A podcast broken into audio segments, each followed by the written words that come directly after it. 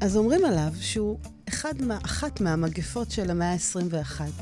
נעים להכיר, לחץ. אז איך מתמודדים עם לחץ? איך אנחנו מוצאים אי של שקט בתוך כזאת סערה? והלחץ הוא חלק מהשגרה שלנו. זו הרגשה שאנחנו רוצים להספיק עוד ועוד ועוד, כל כך הרבה דברים ביום-יום שלנו, וכן, כולנו לחוצים. אין אחד שלא לחוץ. אבל השאלה, כשהלחץ הזה זולל שמחה, זולל מוטיבציה, רוגע, הנאה, יוצר כעסים, ובכלל חוסם לי כל כך הרבה נראות של מה שקורה כאן, זה דגל אדום. בואו נעצור.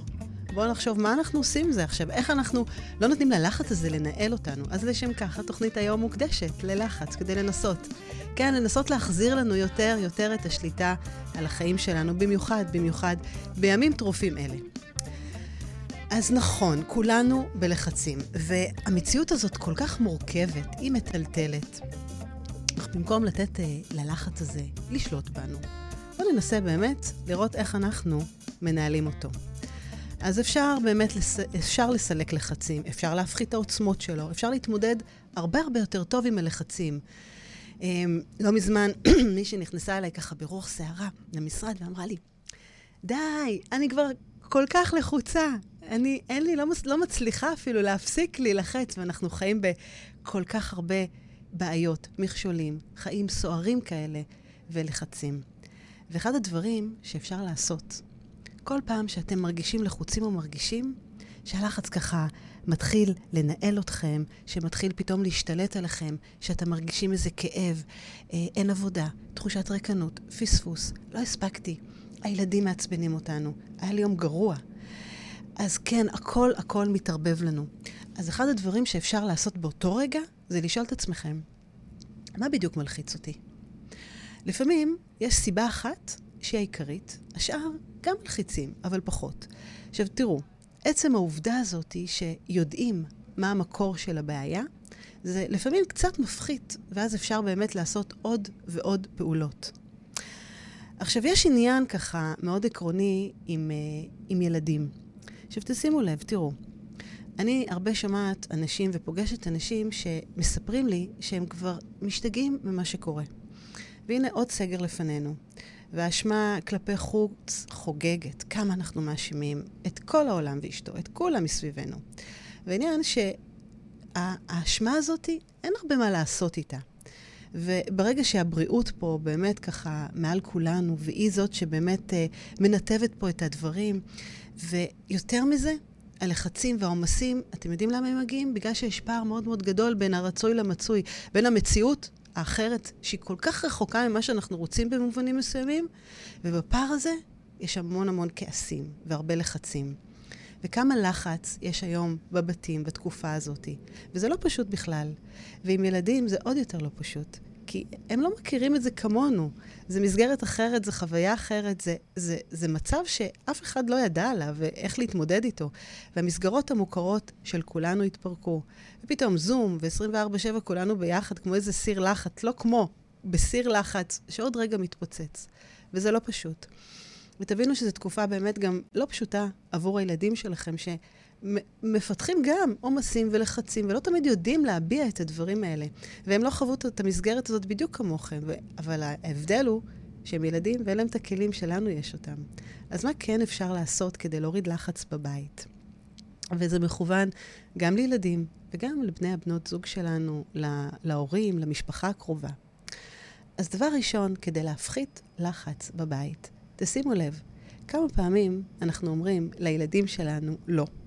כמה אנחנו נותנים להם ביקורת, כמה קל לנו לומר לילדים שלנו מה לא בסדר, מה הם צריכים לתקן, ואז הם כאילו מרגישים אה, אה, מקולקלים כאלה. כמה פעמים אנחנו אומרים, תפסיקו, די כבר, אל תעשו את זה, אה, אה, או, או בכלל, למה עשית דבר כזה? ובמקום משהו שאמרתי לך לא לעשות, אז תפסיקו לתקן אותם, תפסיקו באמת להעיר להם את ההערות האלה. במקום זה, תבינו אותם, תקשיבו להם. דבר שני, איך לא? סליחה. תביעו חרטה. אם אנחנו עשינו טעות במציאות, אנחנו עושים טעויות הרי גם כהורים. כשאומרים את הסליחה זה, דברו אליהם, ת, תסבירו להם, תסבירו להם שאתם אנושיים.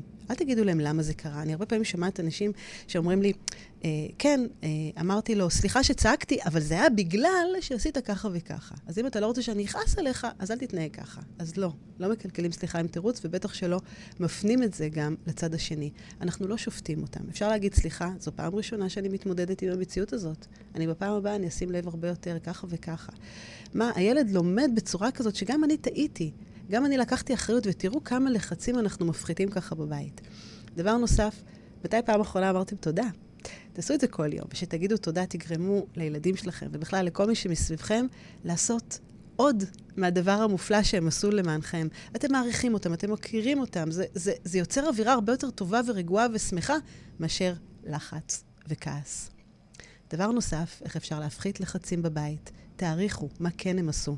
מה, מה, לא, אל תסתכלו על ההצלחה, תפרגנו על המאמץ. ראיתי שהתכוננת הרבה למבחן. ראיתי שלקחת את העתיק שלך מהסלון ושמת אותו בחדר. זהו, עזרת לערוך שולחן. תעריכו את הדברים האלה. אהבה. כמה פעמים אמרתם להם, אני אוהבת אותך. אני, תגידו את הדברים האלה. נכון, זה ברור, זה ברור שאנחנו אוהבים את הילדים שלנו, אבל להגיד דבר כזה, וואו, הכנתי לך את העוגיות שאתה אוהב. כי בלחץ לפעמים יש בלבול וחוסר יציבות, וכשאני אומרת למישהו קרוב אליי שאני אוהבת אותו, אז הוא מרגיש בבית הרבה יותר מוגן, הרבה יותר בטוח. תחבקו, תראו את האהבה הזאת. אה, דבר נוסף שאני ממש אוהבת זה התייעצות. אני הרבה מתייעצת עם הילד הצעיר שלי. ואם זה עם מוצר חדש, אם זה על סיפורים לשבת שאני מעלה בכל יום שישי, אז לפני זה אני ככה מקריאה לו את הסיפור, ואני אומרת לו, אה, מה, מה אתה אומר, מה דעתך וכולי.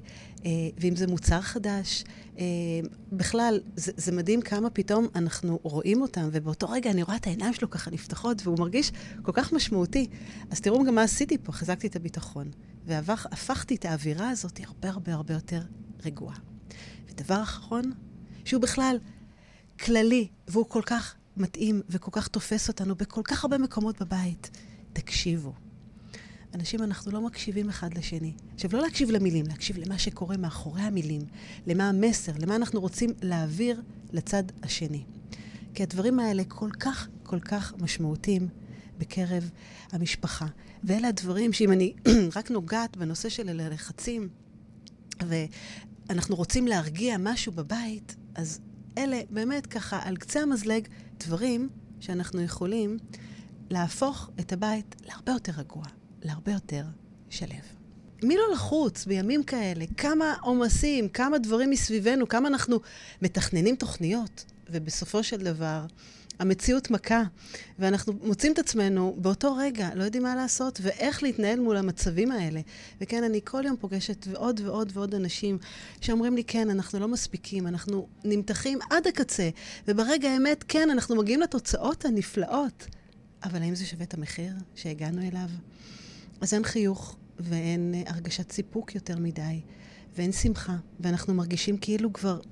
אנחנו זכותים, זכותים כי, כי כל התהליך נעלם לנו, אנחנו לא נהנים מהדרך. אמנם התוצאה נפלאה, אבל הלחץ מנהל אותנו, והלחץ הזה גוזל כל כך הרבה דברים מסביבנו.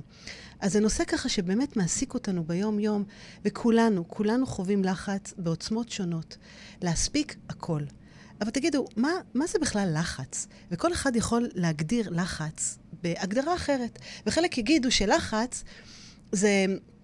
זו התופעת לוואי, שיש בה באמת הרגשה כזאת לא נעימה, של כאב ראש, של כאב שרירים, של חום גוף, של דפיקות לב, לב מועצות. ולחץ גם יכול להיות כשאנחנו, כשמישהו רוצה ממני הרבה, ואני לא מצליחה לעמוד בציפיות. או יותר מזה, אם אני חוששת לאכזב, וזה גורם לי לאיזה מצוקה ולתסכול, ואפילו לחץ יכול להיות גם מה שאנחנו מרגישים שמשהו חשוב לנו נמצא בסיכון. עכשיו תראו, יש בלחץ הזה באמת הרגשה כזאת שלא תמיד עשיתי כל שיכולתי, שיש עוד מה לעשות, תמיד יש עוד ועוד ועוד ועוד, והלחץ הזה כל כך הרבה יוצר מתחים וכעסים. אז כן, יש הרבה, כל כך הרבה מה לבצע, והזמן שלנו מוגבל. הבעיה היא שצרת רבים היא לא חצי נחמה. והלחץ הזה משפיע, משפיע על כל אחד בדרך אחרת. יש כאלה שמתפקדים נהדר, דרך אגב, נהדר תחת לחץ, ויש כאלה שפשוט קורסים. ויש גם את אלה שמדחיקים את כל הסימפטומים האלה, ועד שברגע אחד, אתם יודעים, אוגרים, אוגרים, אוגרים, אוגרים, ואז פתאום איזה כפתור ככה נלחץ, וכמו הר שלג זה מתפרץ. אז זה יכול לפגוע בבריאות שלנו, זה יכול לפגוע באיכות חיים שלנו. דרך אגב, זה לא אומר שאני לא אצליח לסיים מה שצריך, זה כן אומר שאני אגיע מותש, ואני לא אהנה מהדרך, ויש לזה מחיר כבד. וזה ממש לתכנן דרך עם צעדים קטנים, ולפרק את, ה, את הלחץ הזה לשלבים. עכשיו, שימו לב, כאשר אנחנו, אנחנו נמצאים באיזה מסע, יש לנו פרויקט מאוד מאוד חשוב. יש לנו המון המון משימות ככה להספיק אותן. ומה שחשוב לדעת, מה המטרה, לאן אנחנו רוצים להגיע, לאן אנחנו הולכים, מה הכיוון הכללי. זה חשוב, אבל זה, יש משהו הרבה הרבה יותר חשוב. הדבר העיקרי במסע הזה, במטרה שאנחנו רוצים להגיע, אם זו הרצאה טובה, אם זה קורס אינטרנטי שאנחנו רוצים לעלות לאוויר, אם זו תוכנית כזו או אחרת, זה ליהנות מהדרך. זה הצעדים האלה שאנחנו יוצרים אותם בדרך למטרה. ושם יושב הלחץ, ושם אני בעצם מנהלת את הלחץ. יש שיר מאוד יפה שכתבה אותו רחלי ראובן, והוא נקרא "אני מטפס ערים". והיא אומרת כזה דבר, פסגות הן לא מקום שניתן לשהות בתוכו זמן רב. רוב החיים שלנו מתרחשים בטיפוס אליהם, בפסגות, בצעדים. יש רגעים ספורים של תרועות ניצחון, של דמעות מתפרצות כמו, כמו זלפות, וזהו. וזה שיירה אינסופית ממתינה מאחוריך, לנעוץ גם הם את הכף רגל בחוד החנית. ואז תמו הדקות האלה ש, של הפסגה, כי בפסגה אי אפשר להתבגר. לא ניתן לצמוח שם, רק מפעם לפעם לבקר שם ולסמן איזו הצלחה.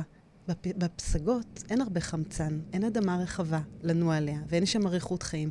פסגות הן לא מנוחה, והן לא נחלה. רק הטיפוס הפך להיות הפסגה שלי. וכל צעד שרגלינו חורצות בעולם, נעצרים ומניחים שם דגל, ואני אומרת לעצמי, כאן טיפסו אנשים שלא מוותרים. הטיפוס הפך בעצם להיות המורה החכם והטוב שלי, כי הוא לימד אותי איך ליפול עליו, ואיך לקום מחדש, איך לנוח, איך להסתער, איך לנהוג עם שמשות לוטות ועם שברי ברד ניתחים, ואיך ליהנות מהרגע, מהרגע הזה שם, בדרך, בדרך לפסגה. והטיפוס הזה גילה שבעצם יותר מכל, שאני יכול לחיים, אני יכול, אני לא מוותר, ומפסגה לפסגה אנחנו עוצרים, מתבוננים בנוף, ומסתכלים באמת מה עברנו ומחייכים. אז זה משהו שמפחית בצורה חד משמעית לחצים. ומחקרים הרבה פעמים מראים שלחץ יכול לגרום לעלייה בלחץ דם, למחלות לב, לסחרחורת, למיגרנות, מעבר לפן הרגשי שאנחנו לא שמחים ואנחנו לא מאושרים ו- ולא טוב לנו, זה פוגע במערכות היחסים שלנו, זה יכול לגרום לעצבות, לדכדוך, אפילו לדיכאון. ואנשים שסובלים מלחץ יומיומי גם הרבה פעמים מדווחים על נדודי שינה, ואפילו על בחילות, על הקאות. זאת אומרת, יש לזה באמת השלכה בריאותית כזו או אחרת. יש כזאת רשימה מפורסמת של גורמי לחץ, כמה זה מלחיץ, ממש דירוג ככה. וזו רשימה שמתייחסת לאירועי חיים, כמו אירועים מאוד מטלטלים, כמו גירושין, אה, כמו מוות, כמו מחלה, כמו שינוי מקום עבודה, כמו משכנתה, כמו כל הדברים ככה באמת המשמעותיים שקרו לנו בחיים. וזה... אז זו רשימה ככה אה, מאוד לא פשוטה ומאוד ככה עוצמתית, ואולמס וריי מאלף, אה, הם, הם באמת בשנת 967, הם, הם בדקו את הרשימה הזאת, ועם השנים הבינו שהסדר הוא פחות משמעותי. אלא מה שבאמת באמת חשוב, כמה יש לי השפעה על גורמי הלחץ האלה.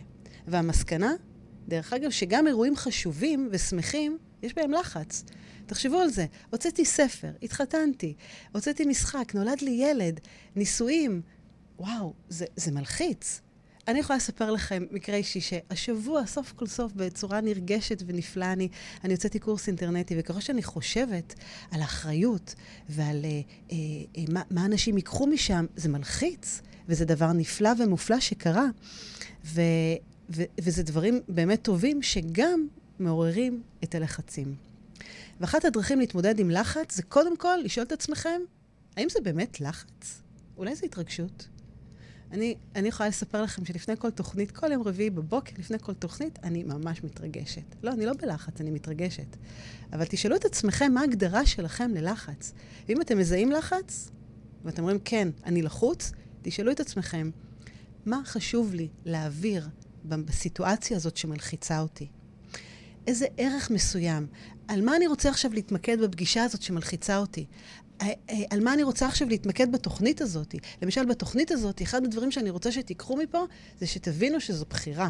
שהלחץ זה בחירה שלכם, וזה לשנות משהו בחשיבה. וכל הזמן, ברגע שאני חותרת לשם ויש לי מטרה, אז אני פחות לחוצה. כי אני מוודא שאני מגיעה לשם, ושתבינו שהלחץ הזה זה בחירה, אז החיים שלנו יהיו הרבה הרבה הרבה יותר פשוטים. אבל זו מטרה שאתם צריכים להבין מה הגורמים האלה בלחץ, וגם לדעת מה לעשות איתו. עכשיו, אם אנחנו מעבירים הרצאה, אם אנחנו מעבירים באמת אה, מצגת כזו או אחרת, אז חשוב גם ליצור ולוודא שהמשתתפים איתי והם באמת בדרך איתי למטרה ולא איבדתי אותם. אז אנחנו מאוד מאוד מושפעים גם מהסביבה. זה אחד מגורמי הלחץ המאוד משמעותיים ומאוד חשובים. ושימו לב, מה שאנחנו חושבים על לחץ משפיע גם על מה שאנחנו חווים. יש כזה מודל של לחץ של אין סליה, שהוא ניסח תגובה ללחץ, אה, זה היה בשנת 1936, אה, וזה מודל כזה שאמר שהרגשת לחץ באה כתוצאה מגירוי, שאנחנו רואים משהו, רואים איזו סיטואציה כזאת שהיא נתפסת כסיטואציה מאיימת, והגירוי הזה, הוא יוצר תגובה פיזית, כמו למשל לחץ, לחץ בחזה, אה, הדופק שלי עולה, חום גוף, כאבי בטן, ובסוף המודל יש לנו תשישות ועייפות. ואם תחשבו על זה, אם אני עכשיו קראתי את המודל על זה, אז ברגע של לחץ, זה מה שאני ארגיש, כי זה מה שאני מכירה. זאת אומרת, אני ארגיש את הדפיקות לב, אני ארגיש אפילו בסוף, כשאני מגיעה לתוצאה, אני ארגיש את התשישות. כי זה מה ששמעתי וזה מה שקראתי. ומה שאנחנו לומדים, מה שאנחנו שומעים מאחרים, מה שאנחנו צופים בסרטים, משפיע עלינו. והגוף שלנו, בסופו של דבר, הוא יודע, הוא יודע להתמודד. וזו נקודה למחשבה שפוגשת אותנו כל כך הרבה בהקשר לכל מיני תגובות של, של הסביבה. כי אנחנו לא תמיד יודעים מה להגיד לאחרים. אנחנו הרבה פעמים אומרים דברים בעקבות דברים שקראנו. לא באמת כי הם נכונים ומדויקים באותו רגע, אלא זה מה ששמענו בסרט, זה מה שראינו, זה מה שצפינו. אז אני שומעת הרבה פעמים את המשפט, וואו, החיים שלי לחוצים, ומה שחשוב לשאול את עצמכם, מה יש בחיים האלה שהם כל כך לחוצים? מה אני בחרתי, מה לא? תפרקו את הקושי הזה לשלבים, לנושאים, ובואו נראה מול מה אנחנו בכלל מתמודדים, ועל מה יש לי השפעה, ועל מה אין לי השפעה. אז מתי הלחץ הזה מגיע? הלחץ מגיע, אחד, שיש לי עומס, שתיים, שאני לא מספיקה. שלוש, שהמציאות לא מאפשרת לנו לעשות כל מה שתכננו. הנה, עכשיו אנחנו לפני סגר. תכננו דברים כאלה ואחרים שבוע הבא, פתאום הכל נגוז ונעלם. זה מלחיץ? כן, בהחלט זה מלחיץ. זה אפילו מעורר כעסים.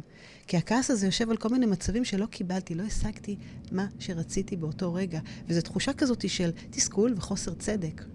דבר נוסף, הלחץ מגיע כשאנחנו מנסים לרצות אחרים, ואנחנו לא באמת נאמנים למי שאנחנו.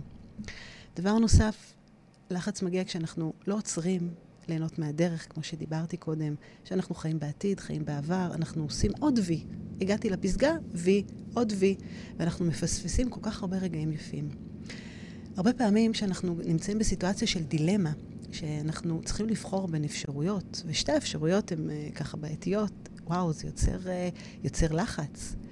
ודבר נוסף, זה גם מצב מאיים. הנה, הקורונה עכשיו, כמה זה מלחיץ. הבעיית הבריאות פה היא, היא באמת אה, מלחיצה אותנו. למרות שאין לנו הרבה שליטה, יש לנו שליטה על, על איך להתנהל ולשים מסכה ולשמור מרחק ובאמת לשמור על הבריאות שלנו בצורה כזו או אחרת. אבל מה שקורה בחוץ, אין לנו שום השפעה ושליטה עליו.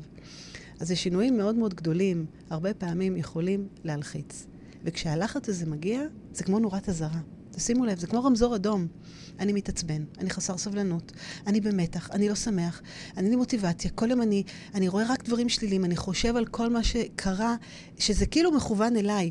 אמ, הייתה לי לקוחה שהגיעה אליי והיה לה יום הולדת, והיא מספרת לי שבעלה הפתיע אותה עם מלא מלא בלונים של יום הולדת, ודווקא הבלון שהיה רשום את המספר ש, של היום הולדת שלה, של הגיל שלה, פתאום התפוצץ. היא אומרת לי, את רואה? הכל מכוון, הכל לא בסדר. דווקא הבלון הזה לא בסדר. עכשיו שוב, זה באמת לראות את הנקודה השחורה, זה לא לראות את הלבן מסביב. ולפעמים אנחנו חושבים על משהו מדאיג ומרגישים שהבטן שלנו מתהפכת. והלחץ הזה הוא חוסם. זה כמו שאנחנו, עכשיו אני אכסה לכם את העיניים ואתם לא תראו מעבר לזה, זה מפריע לנו לחשוב בבהירות, זה חוסם יצירתיות. אנחנו לא מצליחים לישון טוב בלילה, זה נדודי שינה וכולי. וכדי לזהות לחץ, יש מילה אחת שאתם יכולים לקחת איתכם. המילה הזאת זה אוף. אם אתם מוצאים את עצמכם אומרים הרבה פעמים את המילה אוף, אז תבינו שיש פה איזו נקודה למחשבה ועל מה זה יושב. אני לא נהנה מהדרך, אני מקריב את עצמי, אני בעומס, אני לא, לא חושב בצלילות, בבהירות. יש פה משהו שמפריע לי להתקדם קדימה. אז אה, כמובן גם אה, כעסים ולחצים בבית ובעיות בזוגיות ו- ו- וכל הנושאים האלה הם סימני אזהרה ותמרורים שכדאי לעצור פה. דגל אדום, הגיע הזמן לשינוי. וכולנו יודעים שלחץ באמת משפיע על הבריאות. אז באמת, uh, אני אומרת, אם תחשבו על זה, שזה גורם למחלות לב ובעיות בבטן ומערכות יחסים, ואני אומרת, רק לקרוא את המשפט הזה שעכשיו אמרתי, או להגיד את המשפט הזה, אפשר להיכנס מזה ללחץ. אז תראו, כולנו, כולנו, כולנו נמצאים בלחצים כאלה ואחרים, במציאות מטלטלת. אבל בואו ננסה להחזיר לעצמנו את השליטה ולחיות טוב יותר, למרות ובגלל. וכן, אפשר לסלק מהחיים שלנו הרבה לחצים מיותרים. אפשר להתמודד טוב יותר עם הלחצים שכן חייבים להתמודד איתם. אז איך מתמודדים עם לחץ? איך מוצאים אי של שקט בתוך הסערה? ואיזה סערה אנחנו נמצאים היום? אז תראו, דבר ראשון, כדי להתמודד עם לחץ, קודם כל, אל תדחיקו, אל תימנעו, אל תתעלמו. תבינו שקיים פה לחץ. וחשוב שאנחנו נרגיש אותו ושנזכור שלחץ יושב על הרבה דברים שחשובים לנו. אז זה טוב. זה אומר שזה טוב שיש לנו דברים שחשובים לנו בחיים. אם זה מטרות, אם זה חלומות, זה לא איום, זה אתגר. והמודעות הזאת היא שאנחנו מבינים שאנחנו בלחץ ואנחנו קוראים לילד בשמו, אנחנו מקבלים אותו. וזה חשוב. דבר שני, מה עושים עם לחץ, עם עומס ככה שפוגש אותנו? תראו, אנחנו נמצאים במצב כזה של אה, מלא מלא מלא עומס. אנחנו לא יכולים לשמוע אפילו את המחשבות של עצמנו לפעמים. ואנחנו עושים פעולות ואנחנו בכלל לא נמצאים שם. המחשבות נודדות ונודדות ונודדות. והראש שלנו נמצא בכל מיני מקומות אחרים. אה, אנחנו יושבים עם בן אדם ואנחנו חושבים, רגע, לא בדקתי את המייל, רגע, מה קורה עם הבן שלי, מה קורה עם... אנחנו כל הזמן בהרבה הרבה סערות אה, שמטרידות אותנו, בהרבה הסחות דעת. אז זה בלתי אפשרי לתפקד בצורה טובה כזאת, שאנחנו כל הזמן מוסכים בכל כך הרבה דברים. ותשימו לב כמה אנחנו מגדלים הרבה פעמים ילדים בחצי עין, כמה אנחנו עובדים בחצי עין, כמה אנחנו חיים בחצי, בחצי לב. והלחץ הזה, להיות זמינים כל הזמן, הוא גובה מחיר מאוד מאוד גבוה. יותר מזה, הוא לא נותן לנו אוויר, הוא לא נותן לנו אפשרות אפילו לנשום. ואתם מכירים את ההרגשה הזאת, שפתאום מגיע יום שישי, נגמר השבוע, ואתם אומרים, אה, איך זה יכול להיות? כבר הגיע יום שישי? עכשיו, מה זה אומר? שפספסנו משהו בדרך. שאם החמישה ימים האלה עברו ככה, אז משהו פה, דגל אזהרה, משהו פה לא בסדר. מה, אנחנו צריכים פה לעצור ולראות איך אנחנו מתנהלים אחרת, איך אנחנו חיים את הרגע, איך אנחנו מעריכים את הרגע, איך אנחנו לוקחים את הלחץ, מפרקים אותו ונהנים מהדרך לעבר המטרה. עכשיו, עשיתי תוכנית שלמה לחיות את הרגע ולהתמקד במה שיש ולהעריך את זה וליהנות, וזה לא סיסמה, היום באמת זה דרך חיים, וכולנו יודעים ומודעים לעובדה הזאת שאי אפשר לדעת מה יהיה. ובכל זאת, אנחנו עדיין חיים בעבר, אנחנו עדיין חיים בעתיד, אנחנו מפספסים את מה שקורה פה עכשיו. ומה לעשות באותו רגע עם הלחץ הזה? ו... מה שחשוב ככה ממש בקצה המזלג, כי יש תורה שלמה על כל הנושא הזה, אה, לעשות שלוש עצירות ביום, כמו אוכל, תקדישו תשומת לב, תתמקדו במה שיש מולכם, תבדקו, תסתכלו, תראו מה, מה אתם מרגישים באותו רגע, מה אתם חווים באותו רגע, תהיו מודעים למציאות הזאת שלכם, פה, עכשיו, בהווה, כדי להבטיח שאתם נהנים מהחיים. עכשיו, עצה קטנה ככה, נחמדה, אפשר לרגע, שאנחנו עוצרים את השלוש פעמים האלה, אתם יכולים לסגור את העיניים, ממש לדקה. אמ, וכשסוגרים את האפפיים, אז זה מין הרגשה כזאת שאני כאילו נותנת לעולם להיעלם, ואני מחזירה בעצם מחדש את שיווי המשקל אליי, פה בפנים, פה, משהו שקורה אצלי בפנים. ותחשבו על זה שעיניים פקוחות זה מקור לדאגות, זה מקור ללחצים, זה מקור לכעסים. ודרך העיניים בעצם נכנסים אלינו כל המראות, כל הצבעים, כל הלחצים, כל העומסים, כל הדברים שמסיחים לנו את הדעת. שבימים האלה, בימים כאלה לחוצים, הם יכולים ליצור לנו בראש בלגן גדול. אז כשאני סוגר עיניים, זה יותר מלהפסיק לראות. זה בעצם אה, מאפשר לי להתכנס ככה בתוך עצמי, להתנתק מהסביבה, להירגע ולנשום. ולהטעין את שק הסבלנות שלי, ולעשות ככה מין איזה ריסטארט כזה, אז זה עוזר, זה חשוב. כמובן שאת הדבר הזה לא עושים בשעת נהיגה. אז בסוף כל יום, באמת, קחו לכם, תחשבו איזה שיעור, איזה תמונה, איזה הישג. צרו לכם את העצירות הטובות והחשובות האלה. דבר נוסף, מה עושים באמת עם הלחץ? עומס יוצר לחץ גדול. כדי להתמודד עם עומס, תפרידו בין התחומים השונים בחיים, בית, עבודה, זמן איכות. אה, תגבילו, תגבילו את הדברים האלה, זמן טכנולוגיה. תשאירו מחוץ לדלת מה שאפשר להשאיר מחוץ לדלת. ו...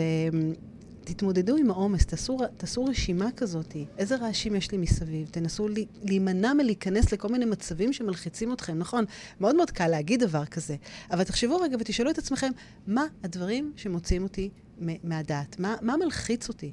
ואם אני יודע, למשל, שחדשות זה משהו שמאוד מלחיץ אותי, אז תימנעו כמה שפחות מלראות חדשות. אם אני יודע שהתקהלות מסוימת, למרות שהיום אין התקהלויות, אה, אה, מלחיצה אותי, אז, אז פחות להיות במקומות האלה. ממש לעשות רשימת מכולת, מה גורם לי ללחץ, מה יש לי על הפרק.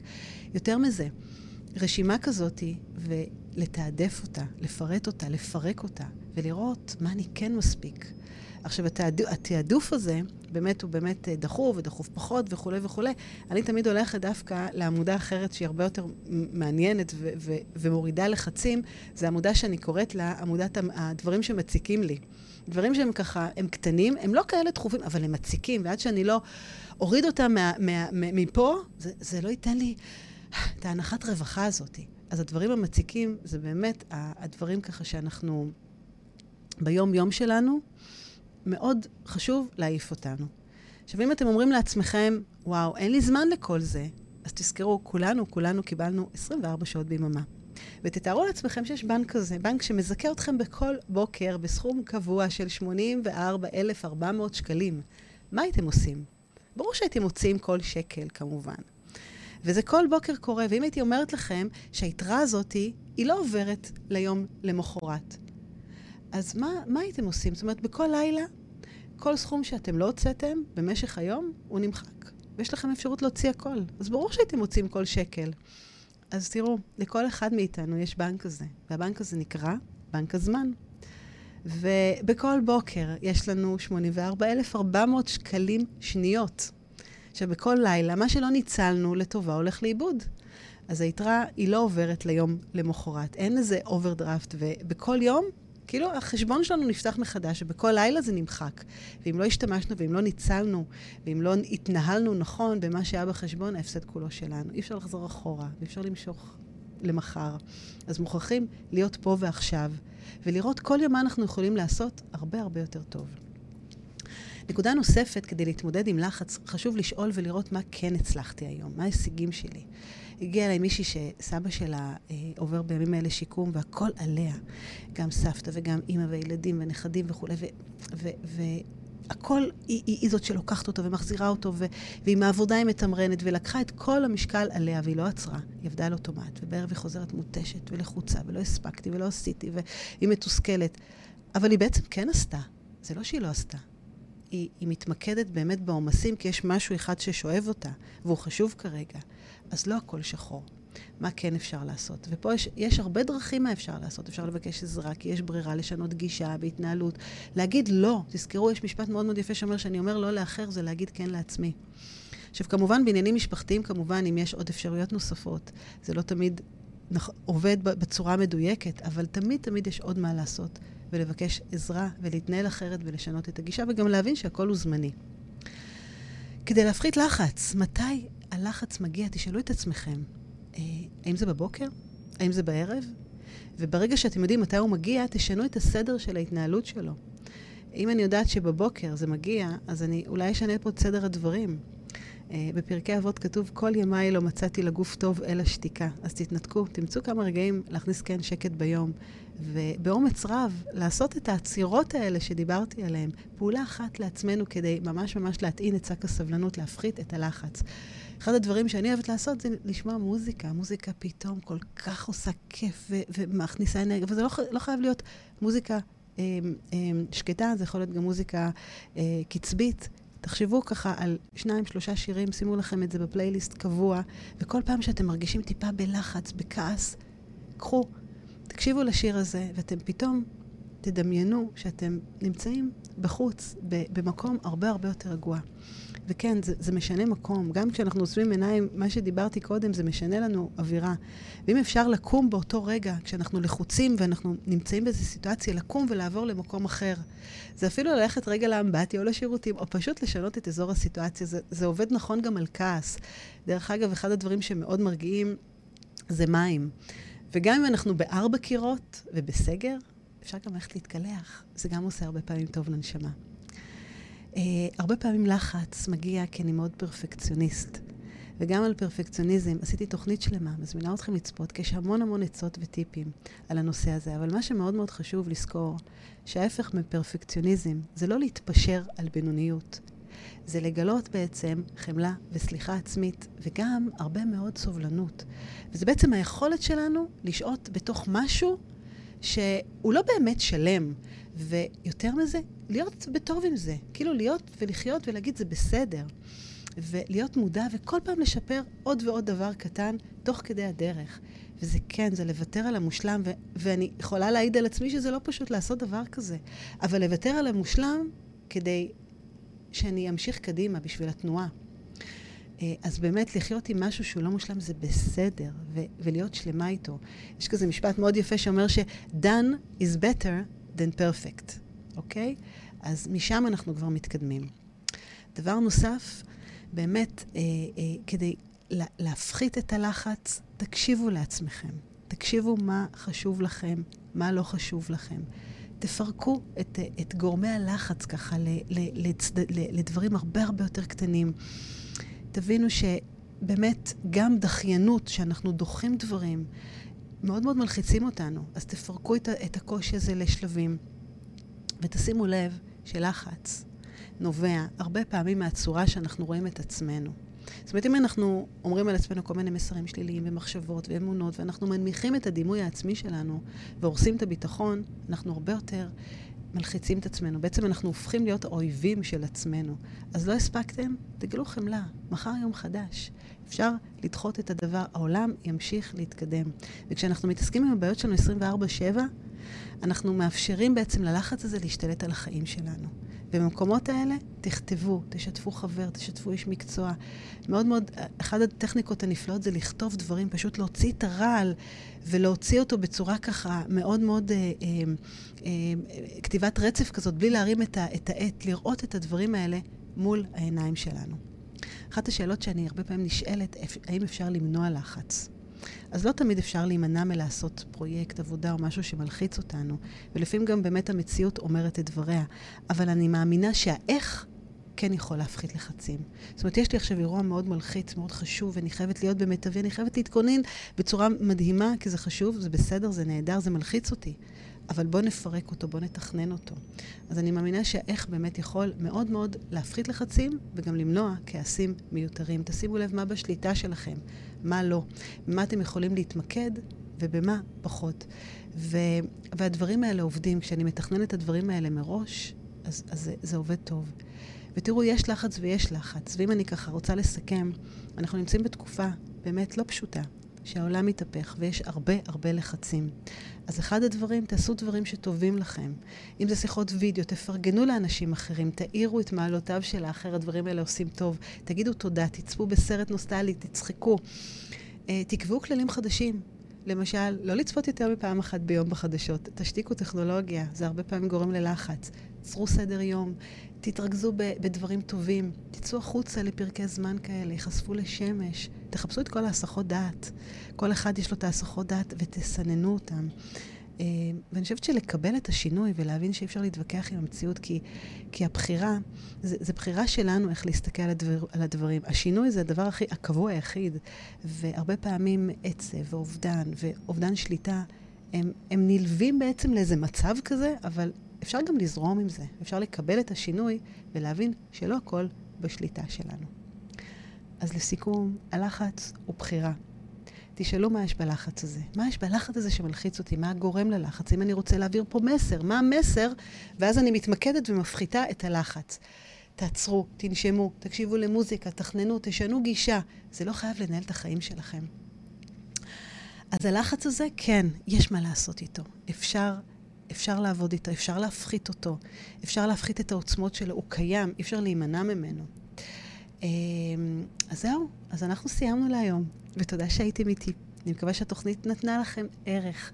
Uh, אני אשמח אם תגיבו, תכתבו לי, כדי שאני אדע מה, מה נתן לכם, ואם יש לכם עוד נושאים נוספים שאתם תרצו שאני אדבר עליך, עליהם, אז תרשמו לי. תודה שהאזנתם לעוד פרק בתוכנית סליחה יומיומית. אהבתם? דרגו אותי ב iTunes, תירשמו לפודקאסט, תשתפו עם חברים, והעיקר, אל תשכחו לבקר באתר שלי www.חדי.co.il. תקראו על הסדנאות שלי, תזמינו הרצאות ועל עוד דרכים שאני יכולה לעזור לכם לשחרר את העבר, לשחרר כעסים ולסלוח לעצמנו. אז נתראה בפרק הבא.